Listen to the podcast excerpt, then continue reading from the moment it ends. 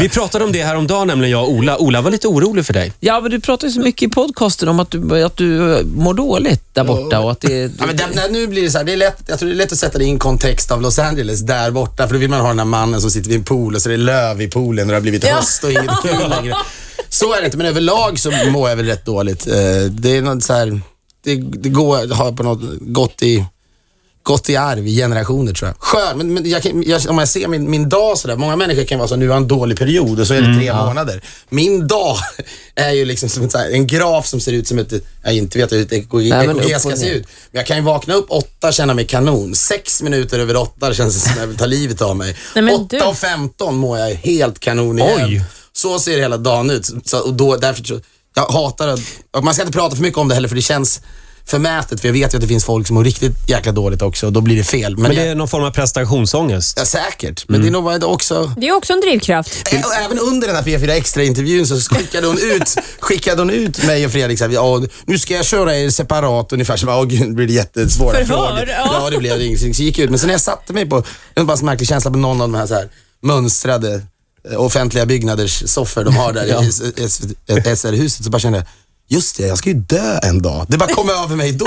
Så jävla konstig känsla. Det, blev så här, det är lika så ogreppbart som att, att rymden är... Eh, ibland kan man känna så här, gud rymden är oändlig. Och Så kan man ut gick en Filip, sen kom en annan Ja, Filip det, bara, in. det, var så starkt. Det var så oerhört starkt när det kom över mig. Just, hur ska jag hantera det då? Jag ska inte, vi ska inte sitta här och skratta åt det här, men Filip, du vet att i USA finns det jättemånga terapeuter. Ja, men jag, har- jag har jättemånga som jagar mig nu. Jag, det har blivit som en så här, Terapeuter? ja, ja, gud, jag, som en reklamplats i, slogan, eller i slogan, i, i, ehm, i podcasten så har jag eh, snackat om det här, att idag känns det tungt.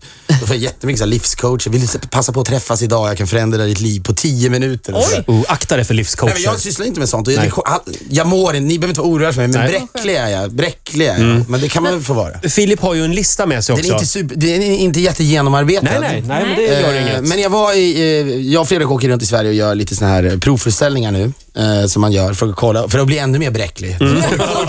Man, man säger någonting som man tycker är skitkul. Jag, jag sa till Fredrik häromdagen, nu har jag skrivit mitt första skämt. Så, så drog jag det för publiken i Växjö. Då var det bara helt tyst. det, är bra, bra, bra, eh, bra bevis på att, eh, att, att, att, att man ska ha en sån här publik. Men tre Nej, men mediafigurer då var- då som du vi vill hylla. resa. Sen var vi i Oslo och Ja. gjorde lite provföreställningar och ett så kallat företagsgig som vi kändisar gör. Det gör säkert ni ibland också. Mm. Nej. Man jobbar för ett företag och, som, och så får man betalt för det. Och det var i Oslo. Men, och då är det, då, det är väldigt roligt att göra det här för att om det är företag som har mycket pengar så får, får man ofta träffa en massa andra figurer som opererar i, liksom, i samma bransch och där. Och då träffade jag Christer Sandelin där för att han skulle uppträda med style. Jag och Fredrik var så programledare i någon arena och så sa vi, här är ledningsgruppen och så det var klart så sa vi, nu de var stora på 80-talet, välkomna in style. Och så kommer de in. Aha. Och jag tycker de här, de här ögonblicken är så fantastiska. Jag tycker de borde göra en dokumentär om man sitter, vi sitter alla bakom. Så här. Hur mår han just nu, Christer Nej, Sandelin? men, och då jag så fan vad jag gillar den killen. Ja. Ja. Så här, genuint. Apropå att vara bräcklig kanske, det kanske Mm. vi förenas. Jag, vet inte varför vi hamnade där. Men då hade han kommit in så här, jag kände mig lite risig i morse sa han. Och så, då färgade jag bara håret och nu mår jag bra sa han. Och då, Jag tyckte det var en sån, och sen gick han ut och så fullständigt ägde han hela arenan. Du vet, ett Ja. stort företagsgig där, 6000 pers. Oj!